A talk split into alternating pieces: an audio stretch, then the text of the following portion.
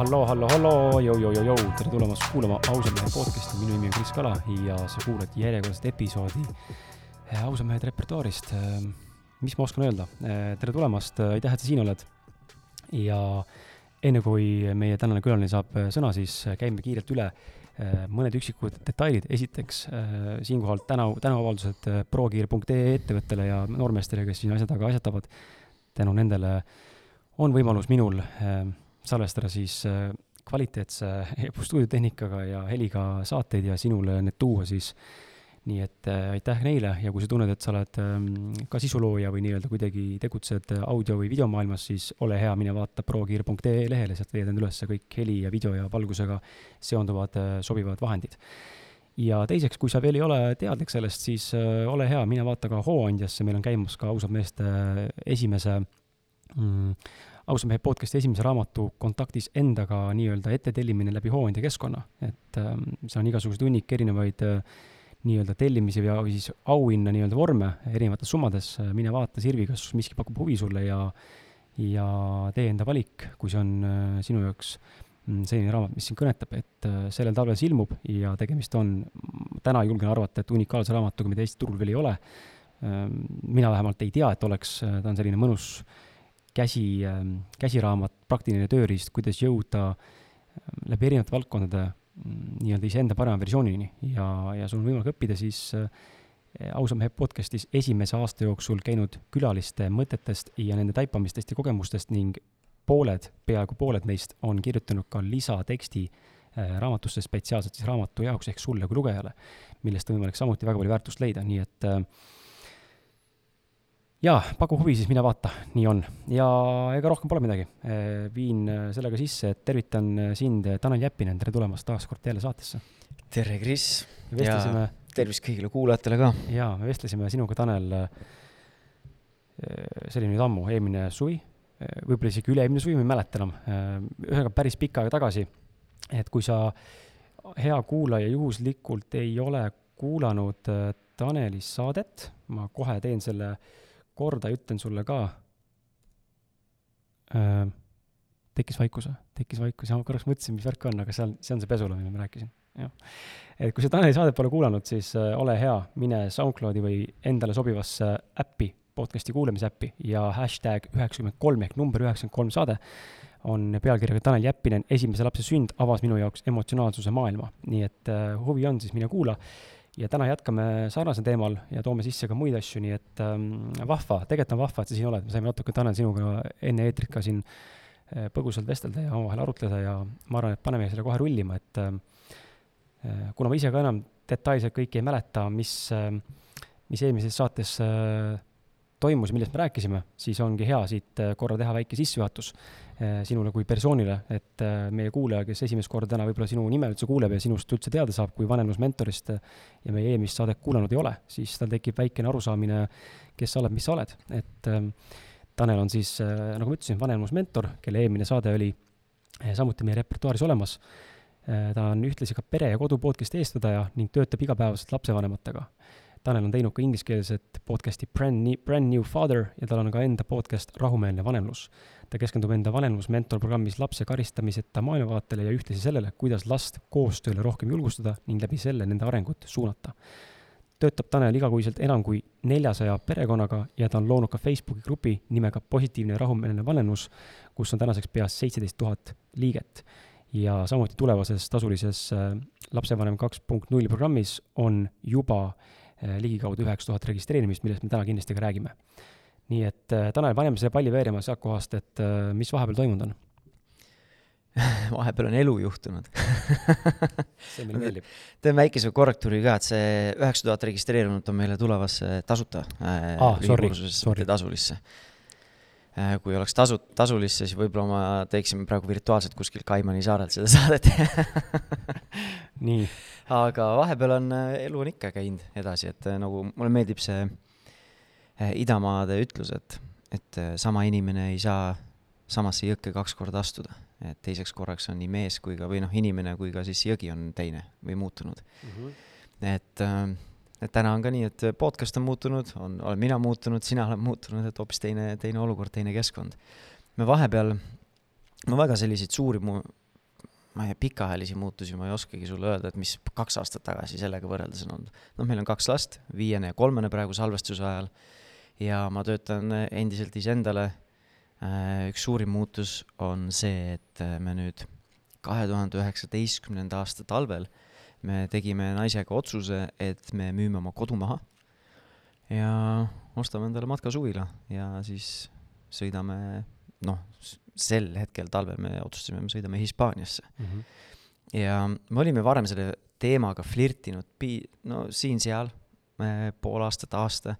ma olin jälginud Tiny House mingit sellist videosid ja kanaleid Youtube'is, kui mul vahepeal nii-öelda tööst oli vaja väikest puhkust, mingi kümneminutilist. ja siis ähm, eelmine sügis, ma siis üks, üks päev viskasin välja naise, et kuule, aga mis oleks, kui et müüme kodu maha, ostame matkasuvila ja vaatame, mis saab, et lähme Hispaaniasse, lähme kuskile soojemasse, sest me kumbki ei ole väga Eesti talvefännid. me ei tee talisporti või ei harrasta äh,, ainuke asi oli lastega vahepeal kelgutamas käia mm, -hmm. aga no see õnneks eelmine, eelmine talv seda ei olnud vist, seda kelguilma ka noh. ja see oli huvitav, et me oleme oma perega, oma naisega nagu läbi rääkinud või me oleme töötanud sellega äh, nagu sõeluda välja, mis on meie ühised perekondlikud väärtushinnangud. ja kui see, kui ma selle idee välja viskasin, siis äh, see otsus, mis tegelikult kõrvalt vaadates tundub ikkagi mega suur otsus, meil oli endal üliäge kodu Tartus kesklinnas, äh, supilinnas, kus ma kõnnin kümme minutit äh, äh, Raekoja platsi, aga samas äh, suve hommikuti ma kuulan kukekirjamist äh, naabrihoovis, on ju. ja, ja kui me selle välja viskasime idee, siis see protsess käis meie jaoks väga kiiresti, meie jaoks oli väga lihtne. käisime, lasime selle otsuse või selle nii-öelda äh, püstitatud nii-öelda või üle, üleskutse või väljakutse, mis iganes, selle probleemi lasime siis oma väärtushinnangutest läbi ja siis kümne päeva pärast oli meil maakler äh, köögi äh, laua taga ja allkirjastasime maakleri lepingut. ja siis paari kuu pärast andsime võtmed üle uuele omanikule ja siis sõitsime üle Eesti, Läti piiri Hispaania poole. ja no see on praegu me noh, suvel, Eesti suvel ja nüüd noh, praegu me salvestame, on siis suvi hakkab lõppema, siis me suvel vahepeal olime ka minu äh, vanemate krundi peal. Ja oleme olnud vahepeal nii-öelda majas sees, vahepeal autos. Ja nüüd ma tulin mitmeks päevaks tööasjus Tallinnasse, siis äh, mu naine ja lapsed jäid siis kasuisa juurde. Ja siis ma tulin äh, matkaautoga, võtsin oma kodu kaasa, et siis ma ei pea hotelli eest maksma, saan kodus olla nii-öelda ja kõik on lihtne noh. Aga kus sa sellise, kus siin Tallinnas sellist karavanidega üldse nagu ööbida või parkida saab, tohib üldse? Ah ikka tohib, et äh, mina pargin äh, parking äpiga ühes äh, Telliskivi lähedal parklas ja astu-, oh, nagu Tellis, Telliskivi korter on mul, kui ma Tallinnas olen, et astun välja, olen loomelinnakus ja kolme minutiga. ja siis tulen tagasi ja teen oma asju ja käin duši all ja käin tualetis ja teen süüa ja lähen magama ja et kõik on korras, et. väga lahe. kui sa tulid selle autoga siia parklasse, siis ma kohe, mul tõmbas nägu naerule, sest et me ise ju enda pisikese Škodaga tegime ka selle tripi Portugali ja tagasi ära, aga, aga sisimas tunneme ka, et tegelikult tahaks seda karavani või, või van, van life'i või tiny house'i nagu rohkem kogeda. aga äh, inimestele võib-olla nagu, mina saan sinust aru, äh, sellest valikust, me selles mõttes oleme sinuga kindlasti sarnased, aga tänane kuulaja võib-olla ei ole päris täna seal ja võib-olla see pole temale, ta mõtleb, et mida kuradit, Tanel, sa tegid. sa müüsid kodu maha ja läksid karavani elama, et nagu, mis viga on? miks on oskad sa äkki tuua mõned väljanäited nagu, mille poolest on nii-öelda siis selline eluviis või selline otsus eh, võiks olla parem või toetavam inimese arengule või kuidagi nagu panna inimest teistmoodi mõtlema, et aga miks mitte? ma ei ütlegi, et see on parem või toetavam, et igalühel oma. Eh, see on meie perele oli see hea otsus või õige otsus. Ja, ja teine asi, mis tegi selle otsuse meile lihtsamaks, on see, et me natuke nagu marineerisime kümme päeva sellega ja siis ühel üritusel ma sattusin kokku äh, Peep Vainuga, kes on, äh, no me, me oleme isiklikult tuttavad ka, me ei ole mingid pestikad või parimad sõbrad, aga selles mõttes me teame äh, teineteisest, mida me teeme, kes me oleme. meil on ühised tuttavad, väga head ühised tuttavad ja me oleme aeg-ajalt üritustel kokku saanud, ikka vahetame sõnu ja räägime. siis ma sain kogu, kokku ja me oleme ise naisega, olime nagu, nagu hakkasime ikkagi kalduma sinna selle poole, et ikka teeme selle, teeme selle otsuse ära ja siis ma lihtsalt Peebuga korraks põrgatasin, et ma siin olen natukene kahe vahel ja lihtsalt nagu, et ta on oma elus ka suured muutused ja muutuseid teinud ja siis üks mõte, mis tema ütles, jäi mulle väga kõlama ja resoneerus minuga, ongi nii. et äh, see, mis ta ütles mulle, on see, et, et Tanel, äh, pöördumatuid otsuseid elus on väga vähe. et kui te tahate, siis tehke see ära ja, ja enam-vähem ongi nii, et, et kui meile ei oleks meeldinud see elustiil jah, ma müüsin oma kodu maha, aga äh, neid variante, kuhu ma kolida saan või mida ma soetada saan või mida ma üürida saan, neid on Eestis nagu mustmiljon, no mitte mustmiljon, aga ikkagi piisavalt et ma, see ei ole see, et ma nüüd müün kodu maha, nüüd ma pean eluks ajaks kodutuks jääma või ma pean eluks ajaks matka suvilasse elama jääma mm. -hmm. me saame neid otsuseid ümber teha ja tagasi teha ja nii edasi, olgugi et ma ei saa võib-olla samma koju täpselt või samma kohta minna, samma korterisse või ridaelamusse, on ju. aga neid võimalusi on palju ju. et, et siin mingit nagu pöördumatuid otsuseid on vähe ja teeme selle ära ja kui meile ei sobi, siis me saame teistmoodi otsused tagasi teha ja ongi nii, et ja meile on see perele, meie perele on see sobinud, ma ei saa elu sees öelda, et jaa, kuulge, kõik teie peate seda tegema. et tehke seda või toda või no igalühel enda asjad. küll aga ma ütlen seda, et kui midagi nagu sügeleb, siis natuke kratsi seda. kratsi ja vaata, mis, miks ta sügeleb. Ja võib-olla seal on tegelikult midagi, mingi väikene või suur unistus taga, mida sa lihtsalt ei julge ära teha. ja, ja vaata, äkki sul õnnestub mingis formaadis ikkagi seda, seda unistust kogeda, noh. sest noh, usu, mida sa usud, mina usun sellesse, et äh, ma olen siin kehas esi-, nii-öelda ainukene kord või siin maailmas, on ju. võib-olla keegi teine usub äh, ümbersündimise ja, muid asju, on ju. noh, mul ei ole, mul ei ole see uskumus ka kivisse raiutud, aga see on see, kus ma praegu olen. ja, ja ma tahan lihtsalt, ma tahan nautida, ma tahan kogeda oma elu. ma tahan kogeda ja jagada seda elu, ma tahan jagada seda oma armsa naisega, ma tahan jagada seda oma väikeste lastega, ma tahan jagada seda sõpradega. ja, ja selline nii-öelda tiksumine, ma olen kogu aeg kuskil nagu ühes samas kohas. Et nagu tunne, et on, ole, tunne on selline, nagu ma liiguksin edasi, aga tegelikult on see orav ratas, mis minu all liigub edasi, tegelikult ma olen täpselt samas putkas kogu aeg või ma olen samas, samas selles eh, looma väikeses või selles hamstri selles eh, puuris või mis iganes, ma lihtsalt tunnen, ma jooksen ja, ja tegutsen ja tegutsen, aga ma olen ikkagi nagu samas kohas. tahaks lihtsalt liikuda, näha, kogeda ja selleks ei pea teise riiki kolima või sõitma vänniga, sa võid kogeda neid samu asju siin ka kui, või noh, mingeid teisi asju, kui sa lihtsalt proovid teadlikumalt elada, olla siin ja praegu. Et see, see nagu on, on see, mis meid nagu julgustas seda tegema ja elamagi hetkes rohkem. ja meil on mingid asjad, mingi, mingid elufaktorid või mingid teemad olid keerulisemad või on keerulisemad, kui me elame, meie, meie endine kodu oli umbes, oli sada kaksteist ruutu Äh, see matkaauto on umbes, umbes kaksteist ruutu. Et umbes, umbes selline vahe nagu kümnekordne või siis võta see üks lihtsalt sealt eest ära, et selline vahe on. ja meil on kaks väikest last, mina, minu naine, me nüüd äh, suve lõpus võtsime just koera, kes on kolmekuune, äh, kui meil nüüd õnnestub, et piirid on lahti, me saame nüüd ära sõita kuu jooksul, siis meil on nüüd viieliikmeline pere, kes me sealsamal pinnal elame. ja mina teen tööd edasi, see ei ole see, et ma ei ela mingit rantjee elu, et ma ei pea midagi tegema et siis see on ka minu kodukontor, see on meie kodu, see on meie duširuum, see kaksteist ruutu köök, magamistuba, lastetuba, kõik asjad koos, on ju. et äh, eks kindlasti on väljakutseid, oli väljakutseid, mida me ootasime, aga tuli ka väljakutseid, mida me ei osanud ennustada. aga meie jaoks oli see otsus seda väärt igati õige, me kumbki pole kahetsenud hetkekski, et me selle sammu ette võtsime vahemärkusena korra siia ka, et Tanel mainis Peepu, et äh, kui sind huvitab, siis äh, leiad ka Peebu kaks saadet meie repertuaarist numbritega nelikümmend ja kuuskümmend kaks. aga okei okay.. no ma proovin siis veel nimesid troppida, et äkki leiad sa, äkki sul tuleb veel podcast'e. Et ma alati, ma alati tegelikult suunan inimesi ka teistesse podcast idesse, sest et never know, mis sealt nagu tulla võib ja huvitav võib-olla kuulata ka, kui Tanel mainib siin Peepu, et neil on ühised tuttavad, siis seal on nagu automaatselt mingi sihuke nagu relateness nagu kohe juures. vähemalt mulle endale tundub aga okei okay. aga ma tulen, ähm, tulen selle sama teema juurde, millest me korra põgusalt rääkisime ka eetriväliselt, et see raha teema, et ähm, just jälle selles kontekstis, et ähm, mm, okei okay,, sa oled küll ettevõtja, aga, aga selles mõttes ettevõtlus ei ole alati ka võib-olla stabiilne. eriti tänases ajastus, kus meil see koroona siin äh, nii-öelda pandeemiana ringi jookseb ja oma, oma asju teeb. et äh, kuidas nagu inimest võib-olla seda hirmu ära võtta või, või nagu süstida pigem inimestes sellist usaldatavust, et ähm, see, see tee, isegi kui ta on uue ameti võtmine või, või vanast loobumine või, mingi väikse pausi tegemine või Euroopasse lapse või perega, naisega minemine või ettevõtjaks hakkamine või uue ettevõtte, vana ettevõtte kõrvale tegemine, mis iganes veel, et kuidas nagu sellest hirmust üle tulla ja üle saada või üle olla, et mingil hetkel võib raha otsa saada. ja, ja kuidas sina oled nagu manageerinud seda enda jaoks just sellises kontekstis ka, et kas sul on nii-öelda säästurežiim või sa pigem oled, oledki niisugune kasina elu, eluviisiga, mis kasin üldse halb asi, ma ise olen ka väga kasina eluviisiga, nagu kokkuhoidlik või kasin selles mõttes. aga et mis sa nagu oskad nagu soovitada, kuidas seda raha manageerimist sellisel viisil nagu teha ja kuidas usaldada oh.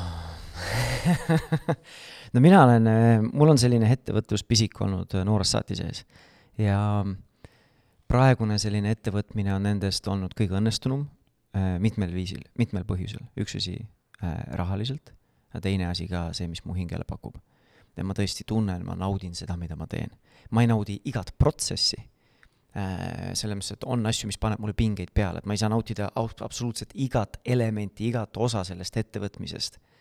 aga üleüldiselt ma tunnen, et minu väärtused, minu süda ja see, mida ma teen, on, on nagu joondunud. ja see on nagu paganama äge tunne. aga enne seda kolm-neli ebaõnnestunud projekti. Äh, mõnedega saime kümnetes tuhandetes põletada, mõnedega sai ego põletada natukene. ja eks niimoodi need asjad käivad. ja ma sain olla oluliselt, ma ei saa öelda nagu hoolimatu, aga võib-olla natukene hoolimatu ka tagasi vaadates, aga riska-, riskialtim äh, või rohkem jah, julgesin võtta rohkem riske äh, oma otsustes, kui mul ei olnud lapsi mm. Äh, kui me olime lihtsalt mina ja mu naine, sest viimase kümne aasta jooksul mul on endal enesekindlus olemas, et tuleb, mis tuleb, ma suudan leiva lauale tuua. Äh, ja kui vaja, siis me saame teiselt poolt kulusid ka alla tuua, et me, ma tean, et mina ja minu naine, me ei jää nälga. et äh, vahet ei ole, ma lähen teen kas või lihtsalt puhtalt tulemustasuga müüki või, või mida iganes. et mul on endal enesekindlus olemas, et ma leiva saan lauale tuua ja ma olen suht kindel, et ma saan selle leivale või ja vorsti ka peale tuua, on ju. aga need viimased projektid, mida ma olen teinud, äh, kui ma tulin täiskohaga töölt ära, ma olen äh, kaks korda nüüd viimase viie aasta jooksul töölt ära tulnud ja proovinud siis ettevõtlusega alustada. mõlemal korral on olnud mul umbes kui ma vaatan oma pere minimaalseid äh, kulusid igakuiseid ja seda, mis mul on säästuks kogutud, mul on umbes aastane jooksurada või hoovõturada olemas olnud. ja esimene kord see hoovõturada sai otsa äh, ja ei õnnestunud nii-öelda midagi käima tõmmata või asendada sissetulekut või piisavat sissetulekut, et pere ära toita. ja siis tuli tagasi tööle minna ja ei olnudki midagi. elu ongi seal nagu, mis vahet seal, noh, tuli lihtsalt selline muutus ja tuli selline otsus ja natukene ego sai põletada, aga noh elu läheb edasi. ja siis ähm, ja teinekord siis meil oli umbes samamoodi, äh, aastane selline varu ette kogutud, saime natukene kokkuhoidlikumalt elada, et säästa ja näed, teinekord õnnestus.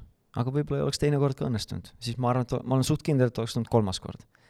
Äh, ma ei oska öelda praegu ainult, ma saan lihtsalt hüpoteetiliselt rääkida, mit-, mitmes, mitu korda ma oleksin proovinud ilma õnnestumiseta või nii-öelda ebaõnnestudes et see ikka oleksin järgmine kord veel proovinud, aga ma olen suht kindel, ma oleks kolmas, neljas ja viies kord vähemalt veel proovinud. lihtsalt see oleks võtnud võib-olla, ma ei tea, kümme aastat aega, et jälle sääste koguda, jälle proovida ja nii edasi. ja miks see on minu jaoks oluline olnud, on see, et ähm, ma ei ütle üldiselt ühiskonna mõttes, aga mina ise enda jaoks, enda pere jaoks, mina ei usu kaheksast viieni või üheksast kuueni töömudelisse. minu jaoks ei ole see palju pakkuv elu et ma töötan aastas nelikümmend kaheksa nädalat, et saada neli nädalat puhkust. ja, ja need töökohad, kus ma olen olnud ka, mul on olnud alati väga palju vastutust, et on, ma olen, mul on olnud väga raske õhtuti ennast ümber lülitada, sest vastutus tuleb kaasa mm, -hmm. töö tuleb kaasa äh, eriti kui mul ei olnud lapsi ka, sest äh, mida rohkem töötad, kui ma töötasin müügis, siis sa teenid ka rohkem. ja eriti kahekümnendates eluaastates ma nagu paningi need sellise, võtsin sellise ühiskonna või meedia poolt müüdud või pakutud selle unistuse, see Ameerika unistusest, et uhke maja, uhke auto, uhked reisid, mis iganes, ja lihtsalt ajasin seda finantsilist edu või staatust taga. ja, ja siis oligi nagu, kui selline sul eesmärk juba on, mida rohkem, seda uhkem, siis töötadki palju. teedki rohkem, kui võib-olla oleks vaja. Et vaja võib-olla ei olegi enam, ülejäänud ongi see, mis on nii-öelda toidab seda ego või mingeid eesmärke. ja ma olen praegu ka, mulle meeldib kõrgeid eesmärke seada, mulle meeldib iseenda pi-, enda piire katsetada, enda võimekuse piire katsetada. ja sagedasti panen suuremad eesmärgid, kui ma tegelikult reaalselt eh, võib-olla sellel hetkel olen võimeline ära tegema, aga see on nagu selline natuke sportlik huvi, selline eneseteostuse koht. ja ma nüüd lähen natukene kaugele sellest esmasest küsimusest, aga, aga see raha teema on see, et raha ei ole elu eesmärk. ma praegu eh, elan nii-öelda minimalistlikumalt, minule ja minu naisele, meile mõlemale meeldib väga minimalistlik eluviis, sina nimetad seda võib-olla kasinaks, aga minimalistlik eluviis on see, et meie jaoks, et ma nagu mul ei jää, toidulaua poolest me proovime teha tervislikke valikuid, aga muidu noh, kui sa praegu näed seda T-särki, mis mul seljas on, seda kuskil Facebook live videode peal näinud mul peaaegu igal pool nagu no.. mul on mingi käputäis T-särke, mul on äh, ühed teksased, ostsin just uued teksad, üle nelja aasta. vanad läks, saatsin äh, ära pensionile. Äh, mul on üks dressikas, üks kampsun, üks kevadjope ja üks talvejope. mul ei ole rohkem vaja mul ei ole vaja, mul on jumala, ma isegi ei mõtle sellele tegelikult, ma ei saa öelda, et mul on poogen, mul on lihtsalt okei okay.. Mul on okei okay,, kui inimesed näevad mind sama T-särgiga igal pool. mul on okei okay,, kui inimesed näevad sedasama T-särki mu seljas, mis mul on aasta aega taga piltidel. kui ta ka-, ta minu jaoks on see jumala normaalne T-särk nagu, natuke juba topiliseks hakkab minema, aga noh, las ta olla nagu. et me on, pigem elame sellist minimalistlikku eluviisi, et äh, mitte rahalise poole pealt, aga tarbimise poole pealt ka, no mul ei ole vaja tarbida kõiki neid asju mis maailm pakub, mis turundus pakub, mis eh, ettevõtted pakuvad. Ma tarbin neid asju, mis ma nagu teadlikult tunnen, mul on tõesti vaja, sest neid tahtmisi ja soove on hästi palju meil kõigil. kui ma tahaksin, muidugi ma tahaksin sõita äkki Porschega, aga samas mõtlen nagu noh, mina ei tea. mul ei ole vaja seda praegu uh. -huh kui mu võib-olla sissetulek oleks kümme korda suurem, siis ma võib-olla luban endale seda. aga mul ei ole vaja tarbida sellepärast, et keegi ütleb, et see on õige asi midagi teha äh, tahad sa natukene veel urgitseda selle teemaga või? Ta, tahan. sest ma natukene läksin natukene ja, eemale ja katsin seda siit-sealt ja võib-olla päris seda küsimust võib-olla ei katnudki. ja ei, väga hea, ma arvan, ma ei torgi seda päris küsimust, aga ma lisan omalt poolt mõtte ka, et selles mõttes ma olen sinuga nagu nõus, et äh, see sõna minimalistlik on võib-olla siis nagu, kõlab nagu paremini kui see kasin, aga point on nagu sama, ma, ma olen ka mõelnud selle peale tihti, et mõnikord tuleb see mõte sisse, et huvitav ma kannan mõnda jopeti, mingit jakki kümme aastat juba ja ta näeb välja nagu täiesti normaalne, sest ma oskan oma asju hoida ja ma olen samamoodi, ma ei näe mõtet osta uut jakki, kui mul on terve. ja siis, ja siis ma mõtlen selle peale teistpidi, et aga, et huvitav, et miks meil on meil, miks, et miks on meil siis see tarbimine nii suur ja teistpidi, kui oledki ühe sama särgiga siin aasta otsa olnud ühe sama pildil ja iga pildil siis inimesed vaatavad tihtipeale viltu, et mind, mind ennast ka ei huvita see absoluutselt. aga kas vaatavad vilku, viltu või me ise arvame või me kardame? arvame, ma, ma pigem ar-, ma arvan, et me arvame, eh, kuskilt alateadlikult tuleb see mõte sisse, et äkki ta märkas, et mul on sama särk seljas raisk. Et ei huvita nii-öelda tegelikult ikkagi kannad, sul on ju häbi pole, aga kuskilt tuleb sisse vahepeal see mõte, et kurat, mul pole üldse uusi riideid, et äkki vaadatakse naljakalt või arvatakse, ma olen mingi vaene või? Mul oli see aasta suur aasta, ma ostsin endale uued tossud, ma ostsin endale uued teksad, ma ostsin endale uue dressika. tunne nagu priiskaks noh. Ja see ongi huvitav, mõni, ja mõni kuulaja mõtleb, et issand jumal, et äh, kuidas see võimalik on, mul peab iga kuu olema uus toss ja uus särk ja uus riietus onju jah, aga noh, teine asi on ka, et kui ma ostan uue asja, siis ma teise saadan pensionile mm. -hmm. ja näiteks dressikas ka, et me äh, paneme taaskasutusse, annetame oma riideid ja mul ei ole vaja, nagu ma liigun edasi, siis ma liigun edasi. aga selle nii-öelda nii-öelda naljatledes ka, et nagu mul on naine ka pikka aega olnud, et ma naisi ka ei vaheta, et mul on naine ka keskkoolist saati olnud. et noh, ongi dressikas saab mustaks, no siis ma ei viska teda ära, siis ma pesen ta puhtaks, on ju, ja mhm. naisega ka, et vahepeal suhtes on, on olnud kriisiperioode, episoode, siis lihtsalt tegeleme nendega ja siis liigume edasi. ei viska nurka, vaid tegeled sellega. tegeleme nendega ja liigume edasi, on ju. aga see minimalistlik eluviis on, see ei ole ainult see tarbimine, mis ma siis ostan, me proovime neid asju nagu muudesse elufaktoritesse või asju teha ka, näiteks ma püüan sedasama äh, mentaliteeti rakendada oma emaili inbox'is. et vaadata ongi, kas mul on neid kõiki asju vaja, mis mul sinna tuleb või ei ole. ja ma proovin jätta sinna need, mida tõesti ma tahan mis mm. mulle jäävad sinna, mitte midagi sellepärast, et ma kolm aastat tagasi äh, mingi ägeda e-raamatu pärast võtsin, kolm aastat tagasi tuleb mingeid asju, kolm aastat tuleb mulle mingeid asju siin nagu mingil määral risustama minu enda mm, -hmm. äh, üks asi minu enda mentaalset äh, sellist ruumi, aga teine asi ka, et iga asi, mis kuskil on, võtab ruumi serverites, võtab energiat, no mille jaoks, no kui see ei ole, ei loo väärtust mulle, mille jaoks on vaja kulutada energiat, et hoida neid, seda pahna seal serverites mm -hmm. samamoodi. ja samamoodi saan ma teha seda minimalistlikult eluviisiga oma tutvusringkonnas, ma panustan oma suhetesse, nendesse suhetesse, mis tõesti on paljupakkuvad ja mõlemasuunalised. ja ma ei lõika oma sõpru ära, ütlen, et kuule, sa nõme mees, ma ei suhtle, aga lihtsalt nagu ma, ma on, suhtlengi harvem ja kui me saame kokku, me saame rääkida. aga nii-öelda südamest südamesse ja tõesti sellist hea connection'iga vestlusi äh,, neid ma pean käputäis inimestega, keda ma usaldan ja kellega meil on tõesti hea lähedane suhe. ja neid ma olen, neid suhteid ma olen teadlikult loonud ja toonud enda ellu mm. -hmm. Äh, kui ma näiteks viis aastat tagasi oli minu äh, tutvusringkond, eriti kui ma vaatan meestest, me-, me-, meeste tutvusringkonda enda ümber, siis enamus nendest olid lihtsalt sellepärast, et me olime sattunud ühte sama kohta ühel samal ajal käisime koos koolis, käisime samal, samas ülikoolis, äh, samal kursusel või mingites loengutes koos, käisime koos trennis, äh, tööl käisime koos või siis nende nelja kategooria inimeste lähedased sõbrad, kellega me oleme ühes, ühte, ühes ruumi mm, -hmm. ruumis olnud. Need ei ole teadlikult loodud suhted. Need on palju inimesi minu ümber ja mõned on nendest nüüd sõela peale jäänud, kellega meil on väärtuspõhine kattuvus. nüüd viimase viie aasta jooksul ma olen väga teadlikult läinud enda mugavustsoonist välja et luua suhteid meestega, kes inspireerivad mind, kellega meil on väärtuspõhine kattuvus, mitte sajaprotsendiline, aga mingis eluvaldkonnas mm. -hmm. mõni mees inspireerib mind sellepärast, et milline partner ta oma naisel on. teine inspireerib mind sellepärast, kuidas ta proovib ühitada või kuidas ta Äh, suudab žongleerida väga paljude erinevate asjaga, töö, eraelu, hobid ja nii edasi, on ju. kolmas võib-olla inspireeribki mind sellepärast, et on lihtsalt nii põleb oma hobide pärast ja tõesti nagu naudib oma hobisid sada, sajaga. ma tahan natukene midagi sellist, noh, ma tahan nagu kogeda midagi sellist mm, -hmm. ma tahan aru saada, kuidas ta mõtleb, on ju. teine on võib-olla see, kuidas ta lastega ringi käib, kolmas on see, kuidas ta äh, oma business'is äh,, oma business'it juhib, on ju. ja nii edasi, et ma olen nagu püüdnud äh, teadlikult luua sellise seltskonda enda ümber, kes tõesti inspireerivad mind. ja, ja see on samamoodi minu jaoks see sarnane, seesama minimalistlik asi, ma toon oma ellu need asjad, mida ma vajan ja ma minimaliseerin neid asju, mida, mis ei paku mulle midagi, mida ma ei vaja. jah, väga õiged ja huvitavad tähelepanekud, et äh, inimesena äh, resoneerun paljuga, mis sa oih, äh, ütled äh, aga lähme siit äh, edasi, äh, edasi nende lapsevanemate teemade juurde ja, ja selle juurde, mis on sinu nagu pärusmaa, mitte need muud valdkonnad ei oleks, aga, aga tugevalt see, kus sa täna tegutsed ja, ja millega sa ennast sidunud oled, et äh, sul on tulemas kaheteist näd-, kaksteist nädalat kestev programm Lapsevanem kaks punkt null. Ähm, räägi natuke sellest, mis see nagu on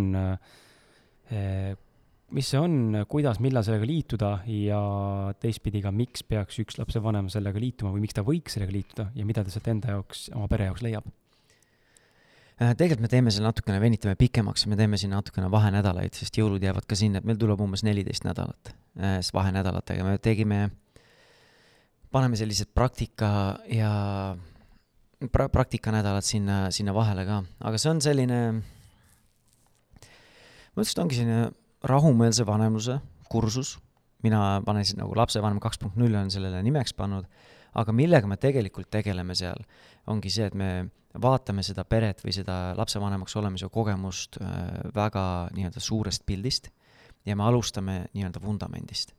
ja ma eile näiteks, kui me praegu salvestame, siis eile ma käisin, äh, äh, tegin vestlusringi kas Tallinna või Harjumaa, ma ei mäletagi nüüd, kumb see oli, Lasterikaste Perede Liidule ja, ja siis äh, päev enne seda käisin ühes lasteaias Viimsis homme, või tegelikult täna õhtul äh, ma sõidan Otepääle ja teen vestlusringi.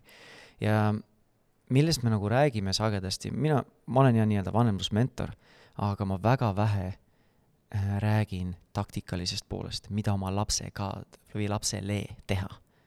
kui ta siis käitub võib-olla soovimatult. ma saan ju, mul on nagu mingi kompetents, mul on enda kogemus, ma olen töötanud sadade ja tuhandete inimestega selles valdkonnas ka, aga see on mingil määral see nagu plaastri peale panemine. või ongi nagu sümptomitega tegelemine. ja millest me selle, kus me nagu selles, mis me selle programmi jooksul teeme, see lapsevanem kaks punkt null, me hakkame altpoolt üles töötama ja looma enne tugeva vundamendi, siis kui vundament on nõrk või hõre, siis väga suurt maja sinna peale ehitada ei saa. Äh, aga kui see vundament on tugev, siis nii mõnigi kord tegelikult neid taktikaid ei olegi väga palju vaja. ja see vundament, millega me tegeleme, see teooria on kõigile teada. selles mõttes, et see ei ole uus asi, aga me võtame reaalselt nii-öelda, paneme need asjad praktikasse, võtame töölehe, paneme need partnerid omavahel siis nii-öelda sinna töölehe taha köögi, köögilaua taha või elutuppa istuma, räägime need asjad läbi. et me oleksime ühel lehel, et me mõistaksime teineteist.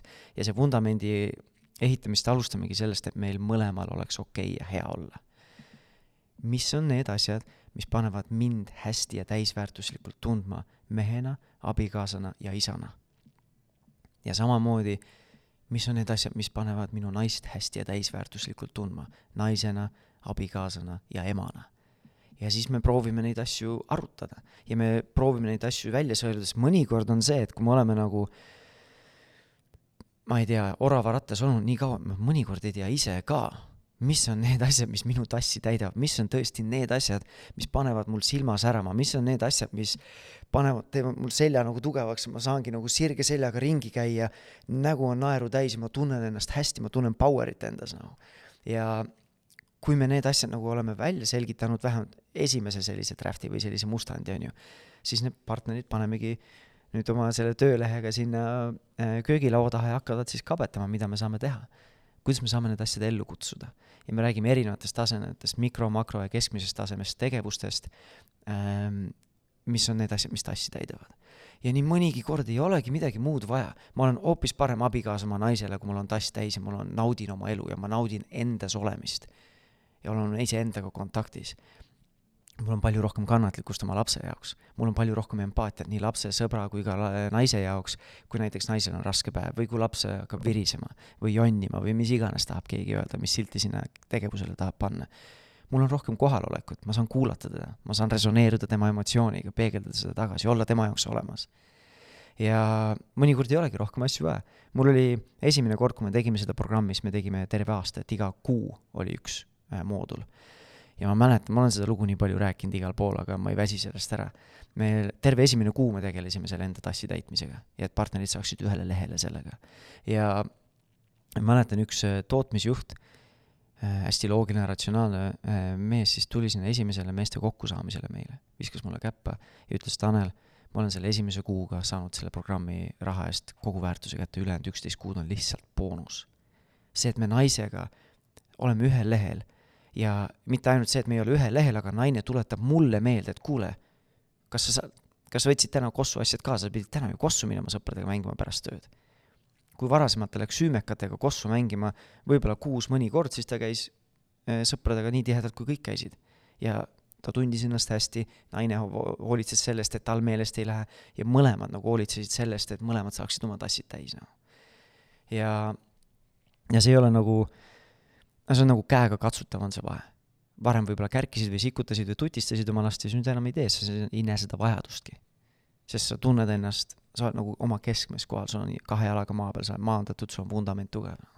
ja sealt liigume edasi, on see paarisuhe saaks korda, sest lapsed elavad meie, meie suhteenergias. vahet ei ole, kui hästi me püüame seda varjata, kui meil on omavahel mingid pinged ja, ja siis kolmas on suhe lapsega või lastega, oleneb, kui, kui neid on mitu, ja siis on perekondlikud ühised väärtushinnangud, mis on see, mis eristab meie peret, mis on see, mis teeb meie pere eriliseks. ja mis loob meie vahel seda ühtsust ja äh, ja nagu teebki meie perest meie pere. ja kui need neli vundamendi osa on paigas, siis nagu ülejäänud on, ongi lihtsalt boonus, noh ja siis me edasi räägimegi muudest asjadest, lapse arenguetappidest, aju arengust, mis on eakohased ootused ja käitumised, mis ei ole, mis on iga, mis on lapse käitumise juurpõhjused eh,, kuidas aidata siis muuta lapse soovimatuid käitumismustreid, kuidas piire seada, kuidas mänguga last avada, kuidas mänguga isegi traumasid võib-olla eh, parandada või eh, lahendada lapsel kuidas lap-, mänguga lapsega kontakti saada ja nii edasi. Need, need taktikalised asjad on kõik seal lõpus. aga juba kui keegi selle esimese otsa läbi teed, siis need äh, ja tõesti mitte lihtsalt ei kuule ja intellektuaalselt ei nooguta kaasa, jah, loogiline, mõnus jutt, kõik on asja nagu, kõik on nagu okei okay või äge jutt, on ju. aga reaalselt teeme need asjad ja kutsume need asjad ellu ja, ja muutused hakkavad juhtuma. esimese kuuga, esimese kahe kuuga.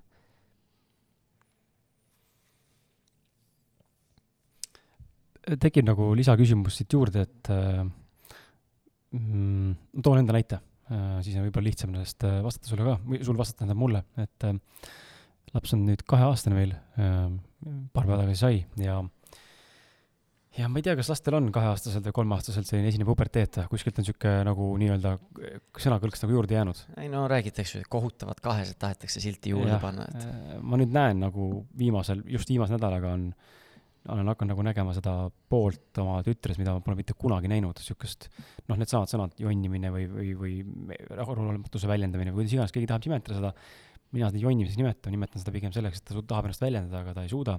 tekivad mingid errorid ja errorid on nii suured vahekord, et, tähendab vahel, vahel, et ma ei saa talle kätte seda emotsioonist enam. ta jääb kinni sinna, kas siis nutmisesse või mingisse hüsteeriasse täiesti mingisuguse no pseudoasja pärast umbes, et a la ma ei tea, tossu ei saa ise jalga pandud ja siis ei luba aidata ka, nagu noh, ma näen, et täna ka see mina ise periood on kätte jõudnud ja ma tahan ise kõike teha, kõike ei oska veel, aga nagu aidata ei tohi, on ju, ja siis kutsub sind appi ja siis järgmise sekundiga ütleb sulle mine ära, nagu et nagu mingi totaalne sihuke, et nagu tekib sihuke tunne, et kas kõik on korras ikka või? Nagu siin üleval kupli all, mitte halvaga, vaid nagu, et kas, kas, kas ma midagi põhjustanud äkki või? nagu nii error on lihtsalt kogu aeg.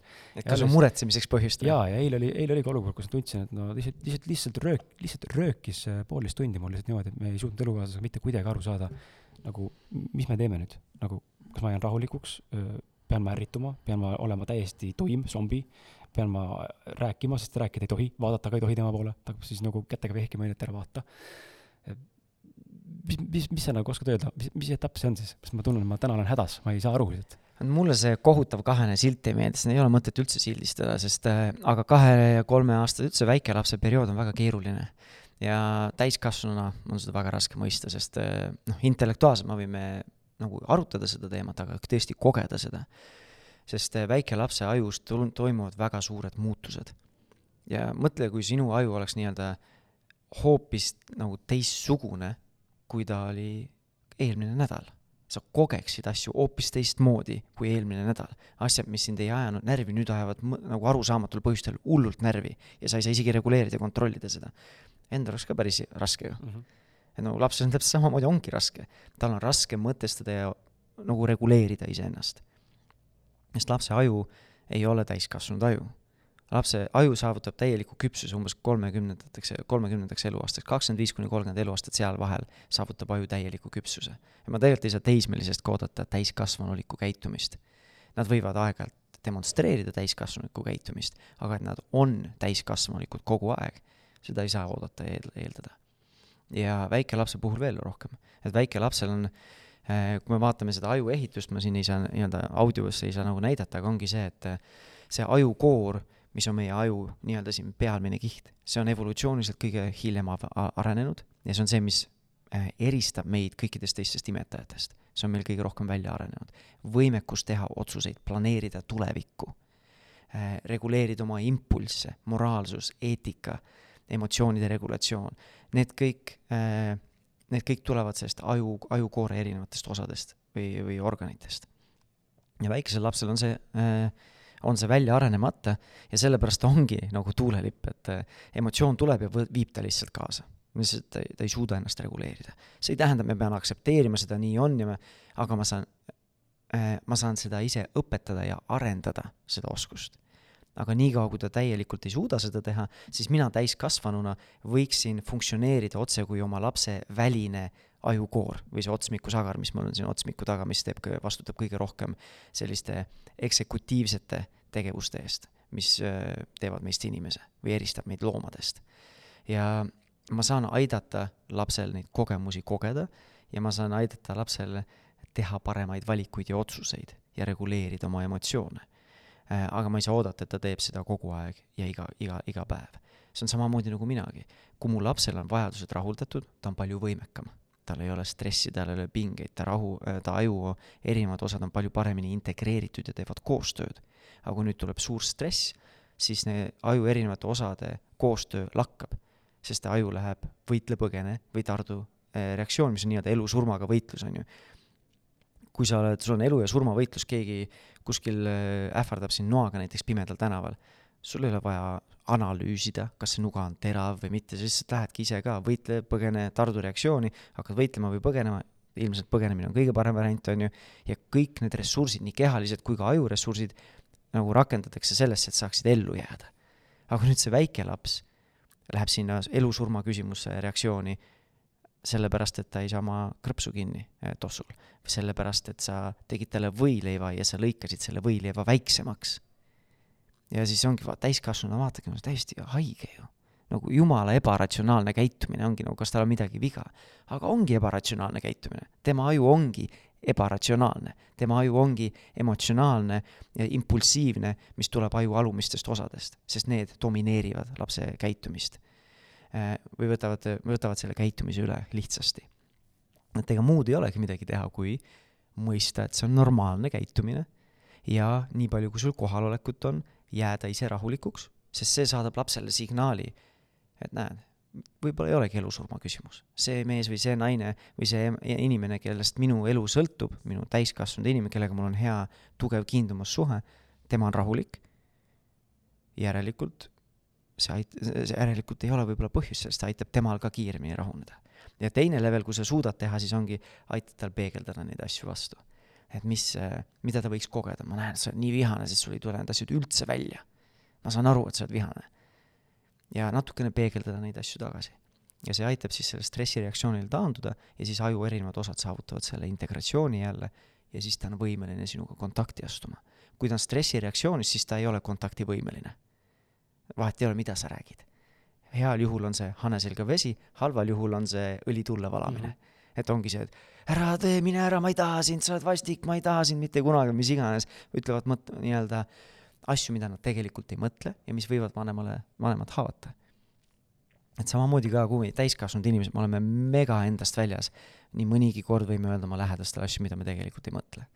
lihtsalt laps teeb, on see nii-öelda veel kuubis on see kogu see käitumine, see reaktsioon siin on ka teine, teine osapool, mis mulle tundub olevat, on siis see, et laps on tegelikult meie sisemuse peegel, on ju, et kui mul endal on tegelikult sees meeletu stress, pinged ja nii-öelda mingisugune sitt keeb, siis, siis äh, paratamatult noh, kas ta siis energeetiliselt võtab selle ligi või kuidagi teistpidi saab sellest aru ja hakkab mulle näitama sedasama asja oma käitumisega.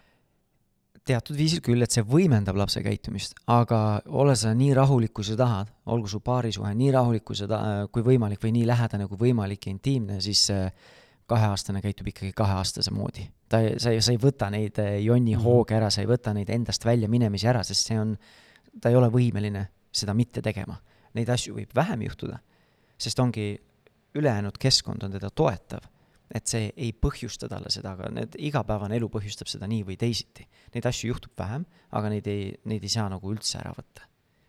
Me oleme jah, ma olen vist pigem elukaaslasega, loeme ka neid ajukeskne kasvat-, ajukeskne kasvatus ja muid raamatuid, lapseraamatuid oleme lugenud ja, ja elukaaslane rohkem kui mina ja aga me näeme, nagu meil on mingisugune niisugune äh, arusaamine vist tekkinud, et, või lootus, et kui me anname endast maksimaalse parima, olles kogu aeg harmooniline ja püüdes nagu last mõista ja lihtsalt vaadelda ja aidata ja rääkida temaga ja olla toeks, et siis neid asju ei teki.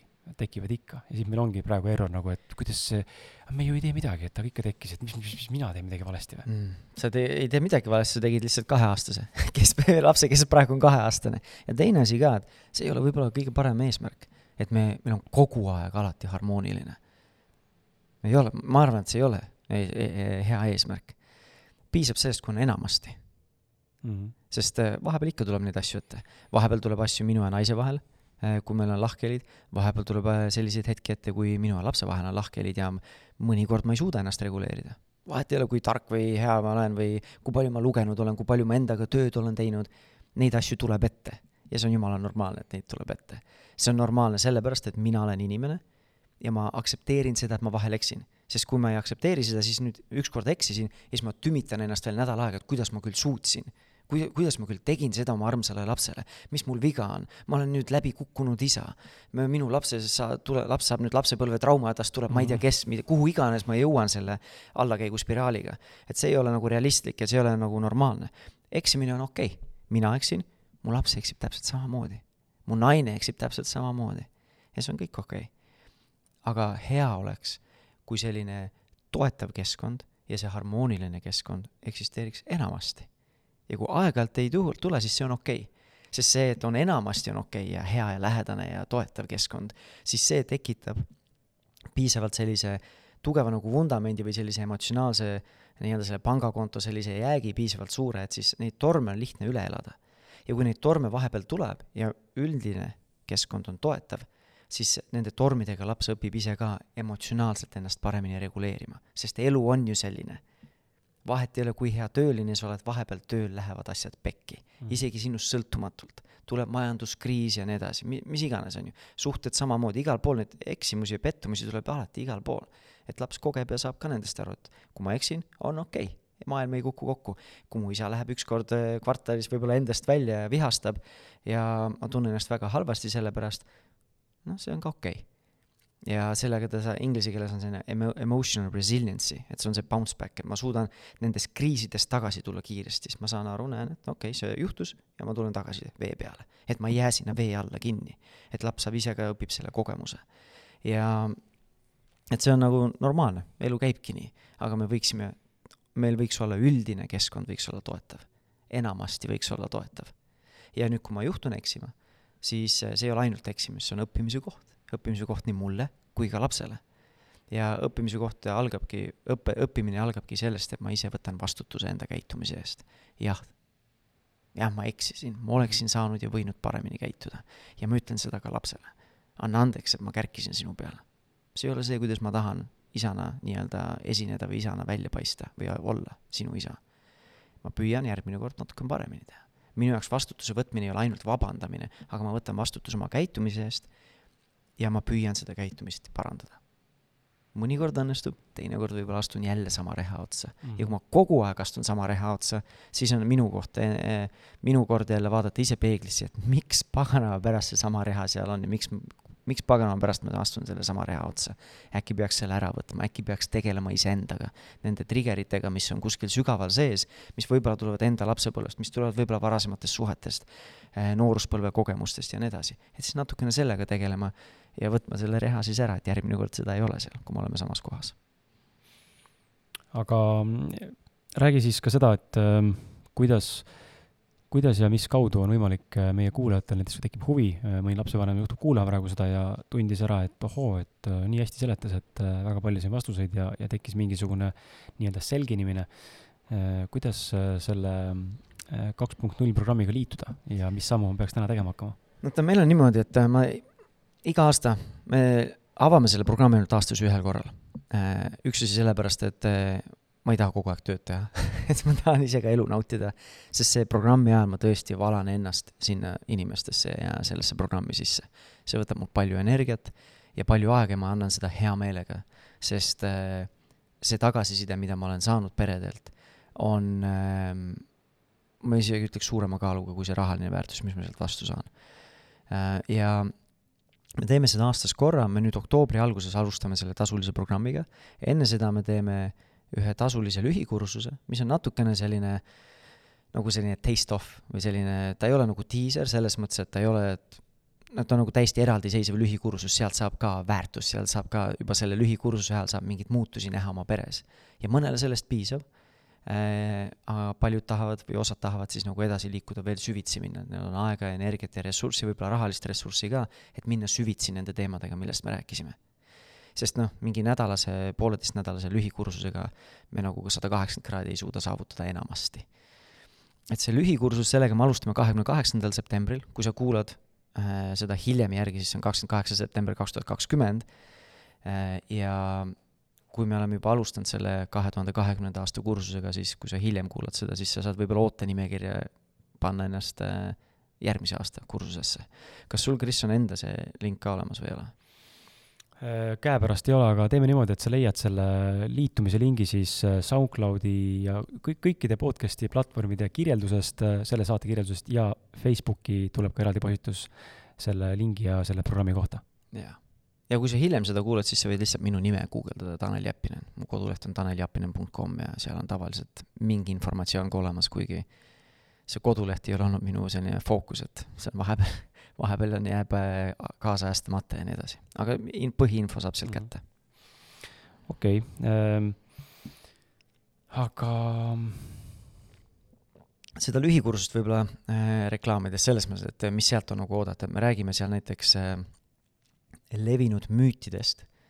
Äh,, kui me kas teadlikult või te, nii-öelda nagu tahtmatult või nii-öelda alateadlikult oleme nende müütide nagu konksu otsas või nende lõksus, siis äh, need müüdid saboteerivad meie rahumeelse vanemuse püüdlusi. et isegi ma ongi, ma loen neid raamatuid ja neid asju, aga mingid alateadlikud sellised uskumused on, mis äh, nagu saboteerivad neid, neid püüdlusi, et me räägime nendest müütidest ja kuidas nendest lahti lasta, ja siis me räägime sellisest nagu üks, üks osa on selline taktikaline osa, et kuidas siis käituda sellises olukorras, kus siis laps äh, on enesevalitsuse kaotanud.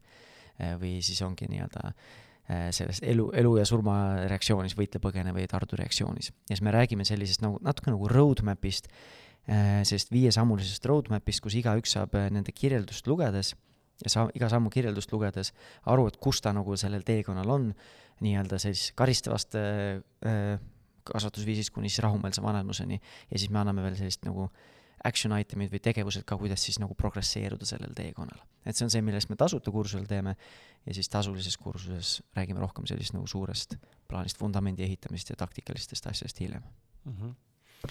Äh, väga huvitav, väga põnev, et ähm, äh, aga, aga tuleme korra siis äh,, jätkame nagu see lapse teemal korraks, et vanemluse teemal, et kuidas äh, lühidalt niimoodi anda mingit nõuannet või, või mõistmist, et kuidas, kuidas vältida lastele traumade tekitamist ja, ja mis nagu või, või, või see pigem ongi nii ülepaisutatud asi meie enda poolt, et me arvame, me tekitame, tegelikult me ei tekita. aga meil lapsed, kõik, kõik meie lapsed saavad mingi trauma kaasa. see on jumala okei okay,, noh meil on enda traumad ja nendel tulevad enda traumad. küll aga ma ütleks seda, et äh, nagu tee endast sõltub, et sa teadlikult neid juurde ei tee. ja et selles mõttes, et ma ei saa võtta endale eesmärgiks, et minu laps kasvab üles absoluutselt absoluutselt ilma pagasita oma lapsepõlvest.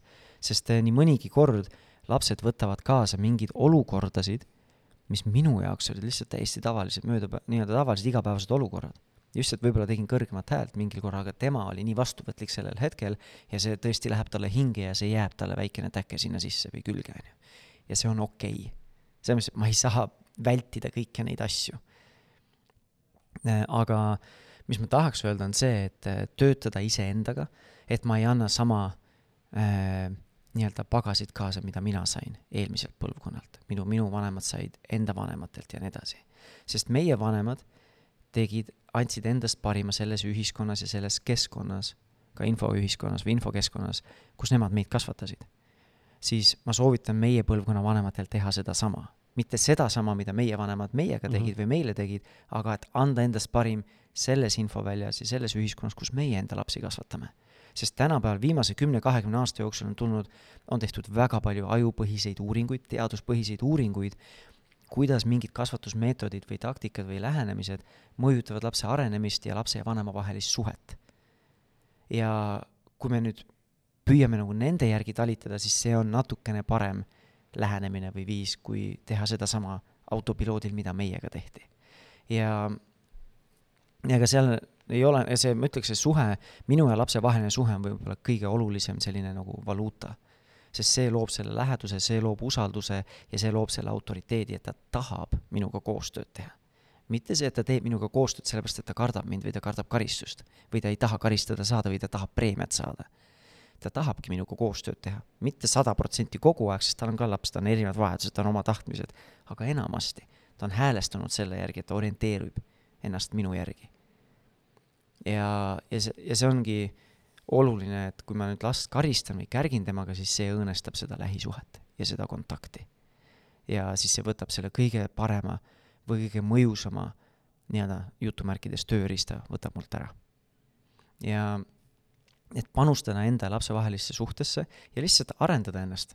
tule minu kursusele, mine Gordoni perekooli, loe ise raamatuid, noh, mis iganes kellelegi töötab aga lihtsalt tegele sellega, tegele iseendaga. kui sul on mingid korduma kippuvad mustrid, kus sa tõesti lähed endast nii välja, et sa ei suuda ennast reguleerida, siis sellega võiks tegeleda. või kui sa oled kogu aeg nii reaktiivne, siis peaks alustama sellest, mida me, millest me rääkisime enne, et enda, enda tassi täitmisest. et ma oleksin võimekas, mul oleks ressursse olla empaatiline, olla kohal, olla kannatlik ja nii edasi. et tegeleda siis sellega sest kui me niimoodi kasvatame oma lapsi ja kui me püüame teda emotsionaalselt kompetentseks kasvatada, kes oskab enda emotsioone reguleerida, ja seda ta õpib eelkõige minu enda eeskujust ja siis sellest, kuidas ma temaga suhestun, kuidas ma tema emotsioonidesse suhestun, kuidas ma teda aitan ja toetan sellistel väga rasketel aegadel, perioodidel, kui tal on nii-öelda kaane pealt ära visanud. sellega ta õpib, õpib seda emotsionaalse kompetentsuse oskusi. ja kui tal on need oskused olemas, siis tal on olemas ka tööriistad nende traumadega tegeleda tulevikus, olgu siis teismeline, kahekümne, kolmekümne, neljakümne, viiekümne, viiekümnendates ja nii edasi, tal on olemas baastööriistad, millega tegeleda iseendaga okei mm. -hmm. ta nagu, ühtlasi nagu tekib see, noh, teine, teine asi kohe seal lapse kasvatamise juures on ka see, et äh, mis, mida paljud ei mõista, kellel lapsi pole ja, ja ilmselt ei, ei, noh, ei ole võimalik mõista, sest et sa ei ole selles olukorras olnud enne, on see paarisuhte hoidmine. Äh, noh, nii intiimselt kui ka emotsionaalselt. Äh, ma ise näen ka tihtipeale, et ja see on just viimasel ajal, just nüüd, kui laps hakkas kaheaastaseks saama, et ta väga palju sekkub või nagu tuleb vahele hästi tugevalt e, isa ja ema nagu suhtele. kas ajab ära üht või ajab ära teist, tihtipeale jätakse ära mind e,. kui ta näiteks sööb, sööb sa kuskil nii-öelda rinda või siis on emaga hästi kuidagi lähedane ema süles, siis või, või näiteks kui me tahan naist kõditada või naist kiusata või kuidagi temaga olla lapse nähes, siis laps hakkab nutma või nagu reageerib kuidagi, et talle ei meeldi see, teeb mingit hüsteerilist häält. ja nii kui ma nagu eemale tõmbun, siis ta on jälle happy on ju ja smile.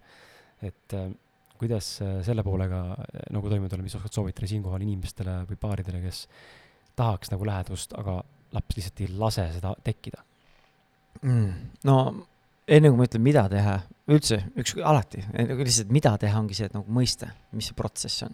miks need asjad niimoodi toimuvad või mis lapse peas võiks toimuda. sest muidu on see jälle, me tegeleme sümptomitega. aga see, mis see laps teeb, eriti kui ta on sinu naisega nagu sünnist saati koos olnud, tema on olnud kodune, kodune ema, on vist olnud, on ju, siis tal on temaga kõige tugevam suhe.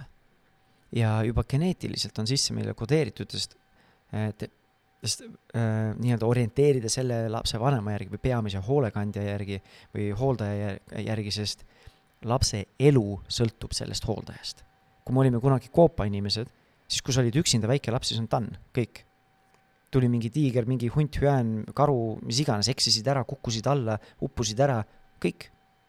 et kui, kui sul kaob kontakt ära selle peamise hooldajaga, see on siis nii-öelda, see on nii-öelda surmahukatus.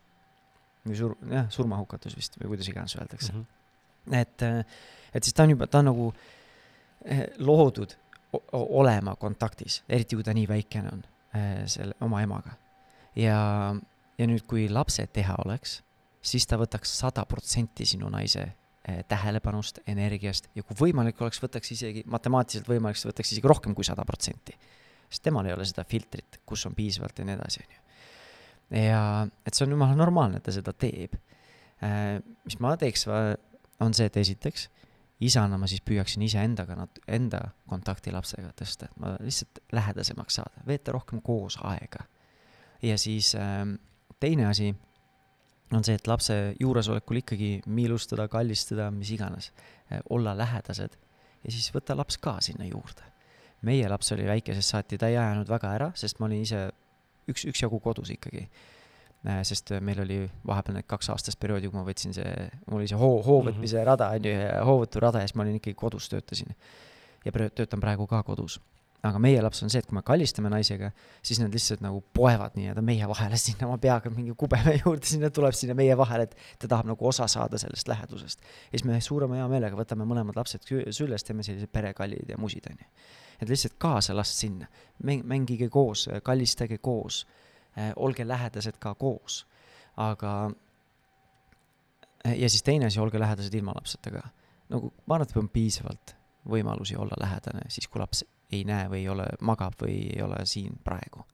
sest see on oluline, hoida lähedust, hoida füüsilist lähedust, aga võib-olla isegi olulisem on hoida seda emotsionaalset kontakti ja lähedust, emotsionaalset intiimsust sest äh, noh, nii palju, kui mina olen äh, baariterapeutidega rääkida, rääkinud, mina ei ole baariterapeut, et siis äh, see füüsiline lähedus ja emotsionaalne intiimsus on väga tugevalt seotud. ja noh, ma olen sinu lugu, sinu looga natukene tuttav, sest sa minuga seda jaganud oled, sotsiaalmeedias jaganud, siis meie oma naisega oleme praegu natukene teises kohas ja me oleme oma naisega olnud koos äkki kaheksateist aastat, kevadel saab üheksateist aastat. Ja me tunneme ennast lähedasemana, nagu me tunneme teineteist äh, paremini kui kunagi varem, me tunneme paarina ennast lähedasemana kui kunagi varem. ja, ja tegelikult seks on ka kõige parem. isegi noh, parem kui kahekümnendates või kolmekümnendate alguses. et ähm, et see, sellega tuleb nagu tööd teha. ja millega me oleme nagu tööd teinud, isegi kui meil on need kriisiperioodid olnud, et siis olla koos selles kriisis, mitte see, et nagu ära kaotada, isoleerida ennast kuskile üksikule saarele, üks on ühe saare peal, teine teise saare peal, et olla koos. proovida kommunikeerida oma vajadusi, oma hirme, oma unistusi, äh, mis iganes. et äh, olla, olla koos ja püüda sellest kriisist ka koos äh, välja tulla ja hoidagi ja tekitada seda emotsionaalset lähedust. meil on teemasid, mille, mis on nii-öelda meie jaoks trigger'iks ja me töötame sellega, me oleme paar aastat käinud baariteraapias eh, ka ja, ja jätkame sellega. aga selline koos töötamine, koos tegemine, ka kas või teraapias käimine, see on, on ka meie jaoks olnud suure kaaluga. et ähm, leida üles see inimene sellest äh, ema rolli või isa rolli tagant, sest äh, kui mina näen enda naist Äh, kodus emana olen näinud, siis selles see ema rolli on nii lihtne ära kaotada. ja kui sa oled nagu selles ema rollis üleni sees, siis äh, saadki võib-olla kogu selle läheduse lapselt ja sul nagu ei ole nii palju vaja seda partnerilt. sest mingi läheduse vajadus on olemas, mul on see täidetud mm -hmm. ja siis nagu mujalt mul ei ole vajadust otsida enam. et see peab olema teadlik valik, et jaa, ma olen sinu valinud, et laps teha, ma olen sinu valinud, et pere teha ja ma valin sinu, et ka siit edasi minna, ma valin sinu, et olla koos et luua sinuga, taastada ka see suhe, kui see on ära kadunud. või viia see, viia see suhe uuele tasemele, kui see on natukene stagneerunud mm. -hmm. et see on ikkagi teadlik valik, et seal nagu ega midagi muud ei olegi teha. võib Mhm. mõne, võib aidata teraapia, aga kõige paremini aitab see, kui suudame mõlemad tulla kuskilt maski tagant ära, kestasest välja ja nagu on selline nagu südamest südamesse kontakt, ma tean, see kõlab nagu väga soft'ilt või kuidagi pehmolt või nagu, nagu käega katsumatult, mis see tähendab, südamesse südamesse kontakt, aga aga kui sa koged seda, sa tunned seda, et me tõesti, me oleme, me oleme siin ja praegu, meil on hea kontakt, meil on hea, me oleme samal lainesagedusel, ma kogen sinu kohalolekut. ja, ja siis jagada, jagada seda, mis on südamel, mis on hingel. Jagada võib-olla suurimaid hirmusid suhtest, iseenda poolest, mis iganes need ebakindlused enda hinges rääkida ka oma unistusi, mida sa suhtelt ootad, mida sa seksist ootad, mida sa äh, lapsevanema rollist ootad, mida, kus sa näeksid ennast kümne aasta pärast, mida sa tahaksid teha, kui sa tahaksid, kuidas sa tahaksid, et meie suhe näeks viie aasta pärast välja, kümne aasta pärast välja ja nii edasi. jah, meil, mul isiklikult jah, täna pigem ongi vist see seis, et naine saab selle piisava äh, enda jaoks siis mingisuguse tähelepanu ja, ja helluse ja hoolitsemise ja armastuse ja kõige selle muu kätte nii-öelda siis äh, lapselt ja siis kuidagi noh, muidugi meil on süg-, teema sügavam ka, aga, aga selles mõttes, et jah, et äh, alati on sügavam. et, et kuidagi, kuidagi mina ei, ei saagi üldse löögile, et äh, ei jõua, pigem trigerdan. kaheaastane on piisavalt vana, et äh, püüdke leida näiteks aeg äh, ilma lapseta olla, veeta üks öö, kaks ööd, ma soovitaks kaks ööd äh,. kui meie, meil oli kaks last äh,, noorem poja oli aasta kolmekuune äh,, kui me ise tundsime selle oma poja teise lapse esimese eluaasta jooksul me tundsime, et me nagu kuidagi lihtsalt elame paralleelelusid. ja et oleme siis selle OÜ Meie Pere äh, juhid, et üks on võib-olla finantsjuht, teine on siis mingi äh,, ma ei tea, tegevjuht või operatsioonijuht ja nii edasi, et me oleme lihtsalt, tegeleme nagu täiesti paralleelsete asjade, logi-, logistiliste asjadega. ja siis me võtsime vastu sellise, ma tropin ühe nime veel siis äh, meie enda tasulises kursuses käis ühte boonusüritust tegema Sepp Kärsin. Ja siis me käisime ja ma suhtlen Epuga edasi, hiljem, hiljem olen ka suhelnud ja me suhtleme praegugi edasi ja siis temaga nagu jõudsime oma naisega sinna või tema nii-öelda sisendi järgi või tema soovituse kaudu sinna, et me otsustasime, et me võtame kord kvartalis ühe lastevaba nädalavahetuse ja see esimene nädalavahetus, no ma ütlen nädalavahetus, aga tegelikult ei ole see kunagi olnud eh, laupäev, pühapäev, alati on olnud siis mingi teisipäev, kolmapäev või neljapäev, reede või, sest lapsed on lastehoius, siis on eh, lihtsam lastehoidjatel ka tegeleda lapse, lastega. ja esimene nädalavahetus, kui me sõitsime Tartust Narva-Jõesuusse, siis äh, esiteks me läksime äh, tülli sõidu ajal sest ei suutnud ümber lülitada ennast. ja siis äh, me suutsime need asjad ära lappida ja tulla tõesti kohale teineteise jaoks ja siis esimesel õhtul enne magamaminekut naine ütles, et kõik äh,, mina pean koju minema, meil on väike beebi kodus, mis ma üldse mõtlesin, et ma jätan tema üksinda koju võõraste inimestega, ta veel andis rinda ka sealt äh, puhkuse ajal pidi nii-öelda pumpama siis ja et kinni ei jääks ja et äh, tal tuli väikene ärevus siis, et mina lähen koju, kui sa tahad siia jääda, sina võid siia jääda, võta minu massaažid ka, mina lähen siis bussiga koju või siis äh, tule sina bussiga, mina lähen autoga, et vahet ei ole, mina pean oma beebi juurde tagasi minema. aga õhtul hilja ka, siis ma otsustasin, et okei okay,, magame selle öö ära, teeme selle otsuse hommikul. Hommikul käisime hommikust söömas, käisime päikeselise ilmaga rannas jalutamas siis vaatasime teineteisele otsa, hoidsime käest kinni, no jääme teiseks ööks ka. ja see teine päev oli see, kus meil tekkis tõesti lähedane kontakt. meie jaoks esimene päev oli selline nagu tõesti kohanemine ja harjumine, et me tõesti olemegi ainult kahekesi siin. meil ei olegi muud vastutust, me ei pea vastutama, vaatama laste järgi, me ei pea nõusid pesema, me ei pea süüa tegema või koristama või ükskõik mis muud need igapäevased tegevused on kuskil to-do listis. Et see teine päev oli väga suure kaaluga. ja nüüd, kui me teine kord läksime, siis oli juba niimoodi, et teine kord me tegime eriti julge sammu, me lendasime Partsasse kaheks ööks odavlennuga. ja juba, kui me sõitsime Tartust Riiga lennujaama, juba siis tundsime, et nagu hakkame juba ühele lainele saama. ja kui me Partsas maandusime, siis oli juba see, et oled nagu värskelt armunud, hoiame käest kinni, lähme sõidame selle bussiga sinna Airbnb-sse ja, ja lähme siis linna peale ja, ja nii edasi. et ja reaalsus on see, et meie, meil ei ole õnnestunud seda iga kvartal teha meil on viimase kahe aasta jooksul õnnestunud seda, seda teha keskmiselt kolm korda aastas, aga seda on kolm korda rohkem või kolme võrra rohkem kui kunagi varem, kui me oleme lapsevanemad olnud. me ei ole enne seda ei teinud ühtegi korda midagi sellist. ja see on meie jaoks olnud väga hea selline kontakti taastamise koht, iga umbes kolme-nelja kuu tagant võtame lastevaba nädalavahetusele, lähme kodust ära. me oleme teinud Tartus ka niimoodi, et lapsehoidjad tulevad ja me kõnnime ise kesklinna ja lähme hotelli sest ma ei taha kodus seda teha. me olemegi hotellis, kus me ei pea mõtlema igapäevastele asjadele. me oleme teinud, ükskord tegime ka oma matkaautoga, läksime lihtsalt Võru metsade vahele matkaautoga. käisime Kubia spaas, aga siis olime kuskil Tammu äh,, oli vist Tammula järv või Võrus, vist on jah? on küll vist jah et olime siis järve ääres seal promenaadis, võtsime jäätist, istusime äh, ranna ääres baaris, käis, olime metsas, jalutasime, lihtsalt võtsime aja maha ja olime koos. Et ei pea olema raha palju äh, Äh, kulutama, kui sul ei ole raha, siis võta telk, mine telkima koos. selleks ei ole, ei pea raha palju olema mm. -hmm.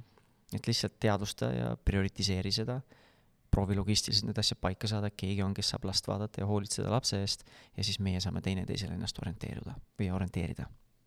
tundub sitaks hirmus tundub täiega hirmus, et ma ei taha isegi, mul nagu ei ole ainult hirm, vaid mul on tunne ütleb, et aga ma ei taha nagu eraldi lapsest olla sellisel viisil, täna veel see ei ole, see on kaks päeva. nojah, aga kuidagi. ja nagu me nagu hirmus oli ka, ma ütlesin, me läksime esimese sõidu ajal läksime tülli. lihtsalt nagu mingid lahkhelid, mõttetust asja, sellepärast et naine, et naine jättis mu autosse ootama kümneks minutiks, et ta ei tulnud siis, kui, ei olnud siis, kui mina olin valmis minema. et ta on nagu jabur mm.. meil oli see, meil oli koristaja kutsutud ka veel selleks päevaks, et koristaja tuli koju koristama ja siis na-, mina läksin selle peale närvi, oligi see, et äh, meil oli koristaja kutsutud, tal oli oma võti koristaja pidi tulema mingi kahe ajal, me pidime kaksteist välja sõitma ja naine jättis minu autosse ootama, sest ta pidi eh, koristaja jaoks natukene mingeid asju korda tegema, ta ei saa, ta ei saa liiga segamini kodu jätta. siis ma ütlesin, come on, meil tuleb koristaja, tema ülesanne on koristada, miks sina koristad selle jaoks ja sealt läks lappama nagu. ma, ma saan aru, et see oli jabur ja mõte, aga sel hetkel ma lihtsalt ei suutnud ennast reguleerida. Tanel, meil hakkab eh, eetriaeg otsa saama. Sina pead eh, tormama järgmisse linna oma asju ajama ja räägi, mis sa tahaksid veel inimestele öelda, siin on niisugune circa viis, viis minti veel aega, mis sa tahad lõpetuseks siia lõppu lisada? ma mingit pikka monoloogi ei teekski, öelda, et lihtsalt äh, see lapsevanema elu ja tegelikult üldse nagu elu, et on äh,, meil on kõigil või paljudel on meil lihtsalt kiire elutempo ja nii mõnigi kord me nagu tunne, ütleme seda uhkusega, oi, mul on nii palju teha, mul on nii palju ki-, nii kiire kogu aeg. Aga mis see kiire elutempo teeb või sinna nii-öelda uskumusse kinnijäämine on see, et äh, nagu on raske endaga kontakti saada. nagu ma rääkisin, et ongi, ma olen selles orava või selles hamstripuuris ja ma tunnen, et ma tegutsen ja jooksen, aga tegelikult see oravaratas on täpselt ühe sama koha peal. ja iseendaga on ka raske kontakti saada. et lihtsalt võtta aega ja leida iseennast üles kõigepealt. Täita iseenda tassi, vaadata, mis on need asjad tõesti, mis mind panevad hästi tundma, mis annavad mulle power'it. Tõesti, ma kõrvalt on ka näha, mul silmad säravad, selg on sirge, lõug on üleval, mitte nagu, et ülbuse pärast, aga lihtsalt ma tunnen ennast hästi. ja, ja kui sa selle nagu oled leidnud ja seda ja oled ära teinud, siis ülejäänud asjad tuleb palju lihtsamalt, tuleb see lapsevanema roll lihtsamalt, tööl läheb lihtsamalt, partneriga suhe läheb natuke paremaks, tulevad need konfliktid ei, ei arene tülideks, mis ei lähe nagu kontrolli alt välja. ja me suudame need konfliktid paremini äh, ära lahendada või konstruktiivsemalt ja täiskasvanulikumalt ära lahendada ja nii edasi. et lihtsalt leida see mina sealt ülesse ja, ja saada sellega kontakti ja, ja siis hoolitseda selle mina eest, et mul oleks ressursse tegeleda kõigi selle kiire eluga, mis mul ümberringi on. ja igaühe jaoks on erinevad asjad, näiteks looduses olemine minu jaoks on mega hea asi ma olen viimasel ajal avastanud või teinud seda, et kui ma lähen loodusesse, siis ma jätan telefoni maha. ma ei võta kaasa mingit kõrvalist sisendit, ei võta podcast'e kaasa, ei võta muusikat kaasa, mis nii-öelda tehislikult loob võib-olla mingi meeleolu, toob uuesti mingid mälestused mulle meele ette või meelesilma ette või mingid podcast'id, mis annavad mulle mõtteid ja ideid, kuidas paremini elada, kuidas paremini business'it juhtida, mis iganes. või mida avastada või mida, mida uurida. et lihtsalt olla looduses kogeda seda keskkonda enda ümber ja siis kogeda seda enda kohalolekut iseendaga. ja, ja on nagu lihtsam, mõnikord piisab sellest, ehm, et lähed lihtsalt loodusesse, ma olen käinud mõnedes retriitides ka ja mäletan nüüd jaanipäeval ma käisin ühel retriidil, mis oligi selline natukene meditatsiooni, meditatiivne või meditatsiooni retriit, et eh, mina sain seal väga hea kontakti iseendaga ja mitte ainult iseendaga, aga oma sisemise lapsega. Ma olen seda paar korda seda lugu jaganud, tuleb tegelikult ikkagi pikk monoloog, sorry. Et seda, ma olen paar korda seda lugu jaganud, aga see oli selline minu jaoks nii tähenduslik nädalavahetus äh,. sest ma olin tundnud nagu viimased pool aastat enne seda, et ma, mul on väga hea ja lähedane kontakt ja suhe oma tütrega. ta on juba viieaastane ka, temaga on parem võib-olla asjadest rääkida ja kuidagi nagu noh, on seda rohkem nagu sisu temas ka, on ju aga meie kolmeseks saanud pojaga, siis temaga nagu mul ei ole nagu nii lähedast suhet. ja ma ise nagu, no ma ei tundnud ennast pahasti, aga ma oleks tahtnud rohkem lähedust kogeda oma pojaga. ja siis ma nagu esitasingi selle taotluse äh, enne, kui ma meditatsioonilaagrisse läksin või sinna retriidile ja ja selle viimasel päeval ma kuidagi kogesin iseenda täiskasvanu kohalolekut ja siis oma poja kohalolekut, kes on kolmene, ja siis oma kolmeaastase sisemise lapse kohalolekut me olime nagu kolmekesi koos. Ja nagu see ei olnud nagu selline visuaalne ettekujutus, aga kuidagi ma nagu taju, tajusin, no see on, kõlab nii selline new age, aga okei okay.. ma tajusin seda kohalolekut ja see oli nagu nii intiimne ja lähedane minu jaoks. ja kui ma sõitsin sealt tagasi koju üle mingi poolteist tundi pärast, pühapäeva õhtul, siis äh, ma lihtsalt kuulasin repeat'i peal, mitte terve sõit, aga tükk aega seda Mari Poginen Paradiis laulu ja lihtsalt mingi selline nagu ma ei tea, härdushetk tuli, lihtsalt nagu pisarad jooksid, eh, mitte nagu kurbusest, mitte ma ei tea, õnnest, lihtsalt, lihtsalt pisarad jooksid eh, selle järgi, see ongi see, et maailm on minu, maailm on paradiis või minu jaoks või midagi sellist on see refrääni osa. ja ma sõitsin sinna koduhoovi peale või kasuisa hoovi peale, kus naine ja, eh, ja lapsed olid, jooksid autosse vastu, ma lihtsalt tulin välja, lihtsalt kükitasin, jooksid mulle kaisu ja sülle ja lihtsalt nagu kaisutasin ja kallistasin neid nii nagu ma kunagi pole varem kallistanud, mitte nagu tugevalt, aga ongi see, see lähedus, mida ma kogesin nendega. Ja see minu jaoks algaski sellest, mul on kontakt iseendaga. sest kui mul ei ole kontakti iseendaga, siis mul on raske nagu seda kontakti saavutada mm -hmm. sellisel tasemel teise inimesega. et ma leidsin selle kontakti iseendaga ja, ja, ja see panustas palju sellesse, milline suhe, milline kontakt on mul oma pojaga, oma tütrega ja ka oma naisega. et lihtsalt leida see aeg, olla iseendaga koos ilma mingi muu sisendita. ja kui on väga palju seda müra enda peas, siis võib-olla peab natuke pikemalt olema. Et unustada ära need igapäevased asjad, tööasjad ja nii edasi. väga hea, eh, Tanel, räägi, mis on, eh, kus me leiame sind siis veel kord? no enamasti ma liigun Tartumaal, aga võib-olla varsti kuskil Kreekas või Portugalis, eks näeb, kuidas aeg läheb, aga internetiavarustes äh, võid otsida taneljapinen.com või siis äh, Instagramis at Tanel Jeppinen või Tanel Jappinen ja Facebooki leht on ka Tanel Jappinen, aga see on siis at vanemlusmentor mm. -hmm. aitäh sulle! aitäh sulle! ja aitäh ka sulle, hea kuulaja, et sa ennast nii-öelda tune in isid siia, nii et minupoolne viimane palve sulle, kui sulle see saade meeldis ja sulle väärtust lõi ja häid mõtteid tõi, siis ole hea, too meile uus, üks uus kuulaja, olgu see sõbranna, sõbranna või, või sõber või ema, isa, vanaema, kes iganes veel et meie külaliste sõnum jõuaks ka rohkemate kõrvapaarideni ja meie podcast samamoodi jõuaks oma olemise ja kuulamistega rohkemate inimesteni. kas ma võin korraks lisada ka?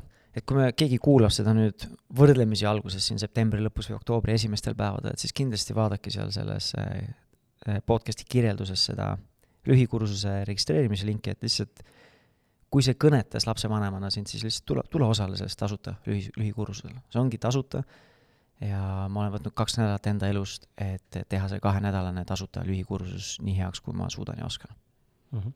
väga hea. ja sinuga kohtume juba äh, armas kuulaja järgmises äh, podcastis, mis on tõenäoliselt reedel, kui mitte varem. Äh, tšau.